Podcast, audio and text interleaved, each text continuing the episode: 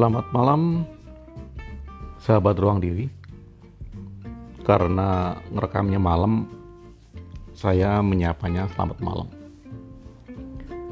Sekarang saat podcast ini saya buat, ini malam Senin, Minggu malam. Dan beberapa hal saya teringat tentang iklan. Tadi baru saja saya menulis status di Facebook tentang testimoni. Hmm. Mungkin mau mungkin saja saya punya pikiran kolot atau saya punya pikiran yang nggak pinter dagang. Nah, kalau orang-orang menyebutnya mungkin saya tidak pandai berada di dalam marketing atau menawarkan sesuatu.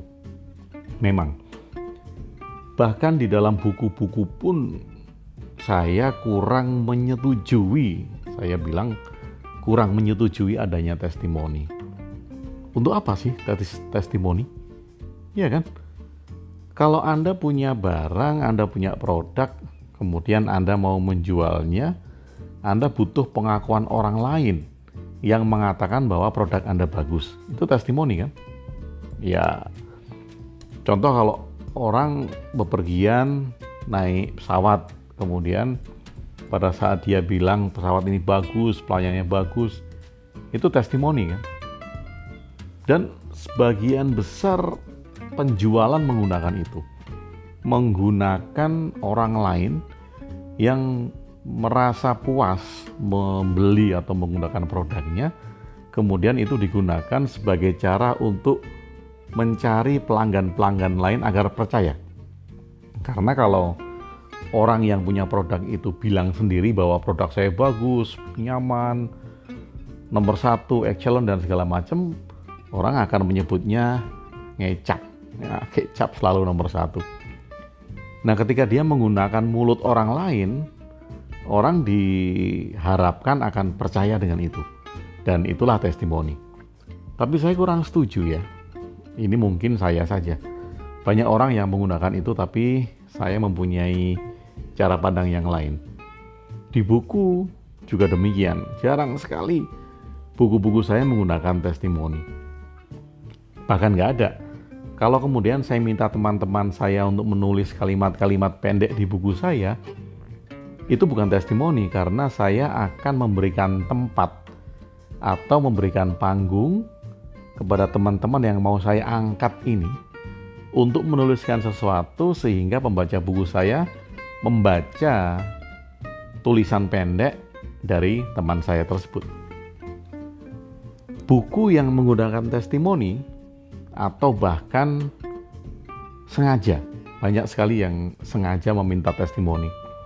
Dia tidak kenal dengan tokoh tertentu, dia tidak kenal dengan pemuka agama tertentu, dia tidak kenal dengan seseorang yang mempunyai follower banyak, kemudian mengirimkan permintaan untuk menuliskan testimoninya. Bahkan beberapa orang atau tokoh, saya sebut tokoh ya, itu meminta bayaran atas testimoni yang bersedia dilakukan. Dan lumayan juga satu testimoni itu untuk tokoh ini kita bisa mengeluarkan uang 3 sampai 5 juta untuk satu testimoni. Hmm. Lumayan kan? Lumayan. Tapi memang tujuannya ketika tokoh itu memberikan testimoni tentang produknya, tentang bukunya, tentang servisnya, ya follower si tokoh ini akan ngikutin, akan percaya bahwa produk yang di testimoni tadi memang bagus. Nggak taunya beli kan, 3 sampai 4 juta. Ada seperti itu. Kalaupun orang mengatakan sendiri tentang kepuasannya terhadap sesuatu, dan tidak melewati Anda selaku yang punya produk, itu sah. Dan bagi saya itu bukan testimoni. Orang mereka puas kok. Mereka puas, mereka mendapatkan manfaat, dan kemudian mereka mengatakan sendiri atau mengabarkan sendiri tentang apa yang dirasakan. Nah ini beda. Nah kalau saya yang meminta orang untuk menulis tentang produk saya yang bagus, kemudian saya yang mengabarkannya, ini testimoni. Nah, kalau dalam pandangan saya, kenapa testimoni itu saya yang membuat? Ini kan nggak alami sekali kan. Saya memaksakan menggunakan orang lain untuk meyakinkan orang lain. Nah ini poinnya. Menggunakan orang lain untuk meyakinkan orang lain. Nah sekali lagi ini kan berbeda ketika orang merasakan manfaatnya, kemudian orang ini benar-benar bangga dan puas terhadap produk yang baru saja dibelinya, dan dia menulis sendiri di sosial medianya, mengabarkan sendiri di sosial medianya, itu bukan testimoni. Itu adalah hak dari orang yang merasakan manfaat tersebut. Nah, sepanjang yang menjual produk itu tidak menggunakan orang lain, ini ini sudut pandang saya, mungkin Anda berbeda. Sepanjang si penjual produk ini tidak menggunakan orang lain untuk mencari pelanggan baru, ya bagi saya oke, okay, artinya dia tidak menipu, tidak menipu tentang kualitas dari produk tersebut. Nah, saya masih agak tidak setuju ketika si penjual produk ini yang kemudian memberitakan apa yang dikatakan orang lain tersebut. Nah, bagi saya ini nggak fair dan saya tidak setuju dengan pandangan itu. Jual aja produk Anda, kemudian Anda boleh mewartakan produk Anda. Ini mewartakan ini bukan testimoni kan? Ya jelas dong. Kalau Anda punya produk, Anda harus mewartakan, Anda tulis di sosmed Anda, Facebook mungkin, Twitter mungkin, atau Instagram. Supaya apa? Supaya orang tahu kalau Anda punya produk. Kalau Anda punya produk dan diam saja, ya orang nggak tahu. Tetapi Anda share produk Anda apa, dijual berapa, kemudian berguna untuk apa, itu itu oke, itu sah-sah saja karena Anda punya barang, Anda punya produk, dan Anda harus mewartakan itu kepada orang banyak sehingga orang tahu produk itu. Itu oke. Okay. Nah, yang jadi masalah ini ya bukan masalah sebetulnya, tapi bagi saya masalah. Ketika dia menggunakan orang lain untuk meyakinkan orang lain. Kenapa harus dia sendiri yang ngomong? Sama aja kan, ini ini ngecap juga, ini kecap juga. Ketika orang kirim WhatsApp kepada Anda barangnya sudah sampai bagus sekali. Ini orang pembeli itu WhatsApp-nya kepada Anda loh. Lah kok Anda capture walaupun Anda sudah izin?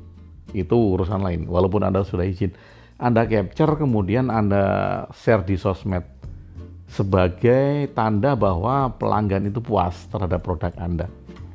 Kalau saya nggak setuju ini, kalaupun dia pembeli ini mau mengabarkan kepuasannya, biarkan dia mengabarkan sendiri. Tapi dia memberi kabar kepada Anda, kemudian Anda capture dan Anda share ke media sosial. Ini kalau bagi saya licik. Bagi saya nggak fair. Anda menggunakan orang lain sekali lagi untuk meyakinkan orang lain. Nah, kenapa hal ini dilakukan?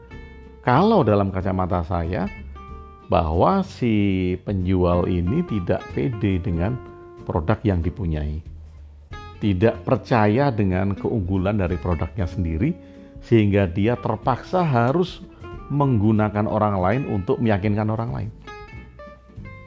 Nah, kalau Anda seorang penjual yang hebat, Anda tahu bahwa produk Anda bagus, pelayanan Anda bagus, servis Anda bagus, Tentu saja Anda tidak menggunakan cara-cara itu.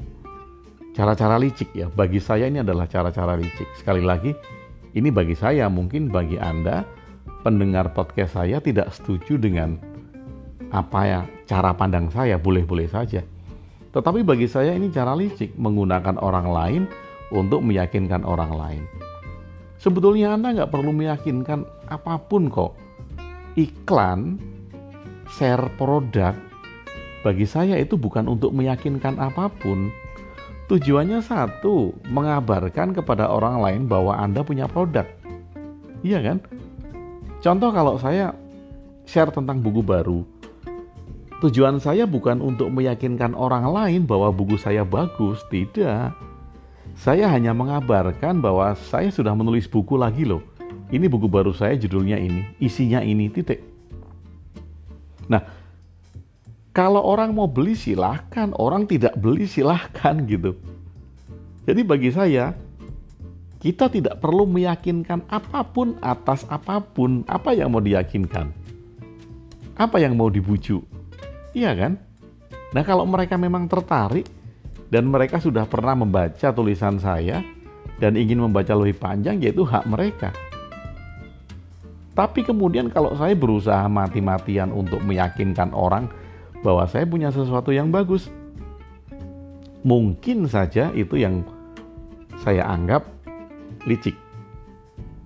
Nah, tentu saja sahabat, pandangan ini tidak cocok dengan pandangan eh, marketing, tidak cocok dengan pandangan penjual gitu. Karena kalau orang yang membuat sebuah materi tentang penjualan yang persuasif, tentang cara menjual yang dahsyat, yang hebat, itu pasti akan bombastis sekali dan akan menggunakan cara-cara dari mungkin Anda tidak boleh menggunakan kalimat ini, kemudian Anda harus memandang orang yang Anda ajak bicara di bagian ini. Banyak sekali aturan-aturannya supaya produk Anda kelihatan bombastis. Nah, kualitas itu tidak bisa dibohongi. Anda bisa membohongi iklan.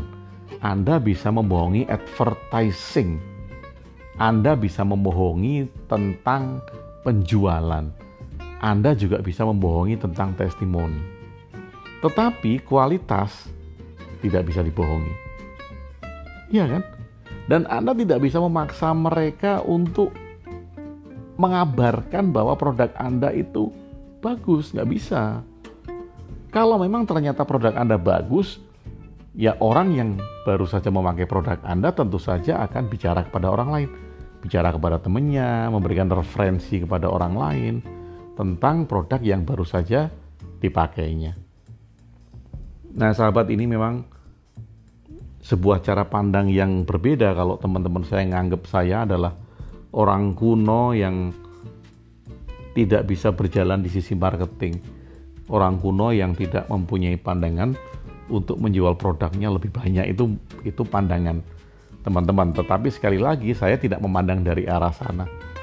Saya lebih setuju dan saya lebih mendukung apabila Anda mempunyai fokus kepada peningkatan kualitas produk Anda bukan fokus kepada bagaimana Anda cara menjual produk Anda secara bombastis. Enggak.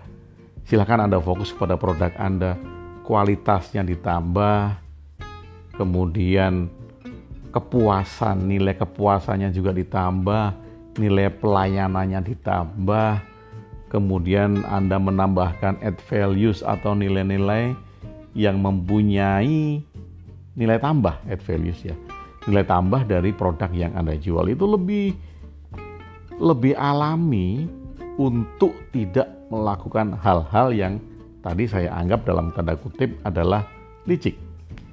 Sekali lagi kenapa licik ya karena Anda sangat bombastis untuk iklan. Bombastis untuk menawarkan dari apa yang Anda punya itu. Nah, ini semua kembali kepada diri Anda masing-masing. Kalau Anda menganut mazhab marketing, Anda menganut mazhab penjualan bombastis, tentu saja Anda akan iklan sekuat mungkin, akan iklan sebesar mungkin, akan iklan sebombastis mungkin yang Anda harapkan bahwa ketika orang membaca iklan Anda menganggap bahwa memang produk Anda itu sangat bagus sekali. Di samping itu artinya di sisi cara pandang yang lain yang tadi saya bicarakan, saya lebih setuju untuk tidak menggunakan cara-cara seperti itu. Saya lebih setuju Anda fokus untuk meningkatkan kualitas, untuk meningkatkan servis, untuk memberikan nilai tambah sehingga memang apa yang Anda berikan kepada orang lain itu benar-benar bermanfaat dan bisa diaplikasikan. Oke, Anda tentu saja Anda tidak harus menuruti apa yang saya katakan, cara pandang yang saya sampaikan. Tetapi ketika Anda saat ini masih menjalankan mazhab marketing dan mazhab penjualan bombastis, silahkan saja. Silahkan saja karena memang banyak yang melakukan itu. Dan testimoni bagi saya tidak perlu karena testimoni yang sesungguhnya adalah ketika orang lain merasa puas dan merasa bangga atas hal-hal yang dipakainya, tentu dia akan memberikan referensi sekali lagi ya, memberikan referensi. Jadi referensi ini diberikan oleh mereka yang menggunakan produk Anda. Bukan Anda yang menggunakan mereka untuk mencari orang lain sebagai pembeli dari produk Anda. Yes, selamat malam Senin. Sampai jumpa di kesempatan yang lain. Salam cinta selalu. Terima kasih sudah bersama saya di Ruang Diri. Agung WB.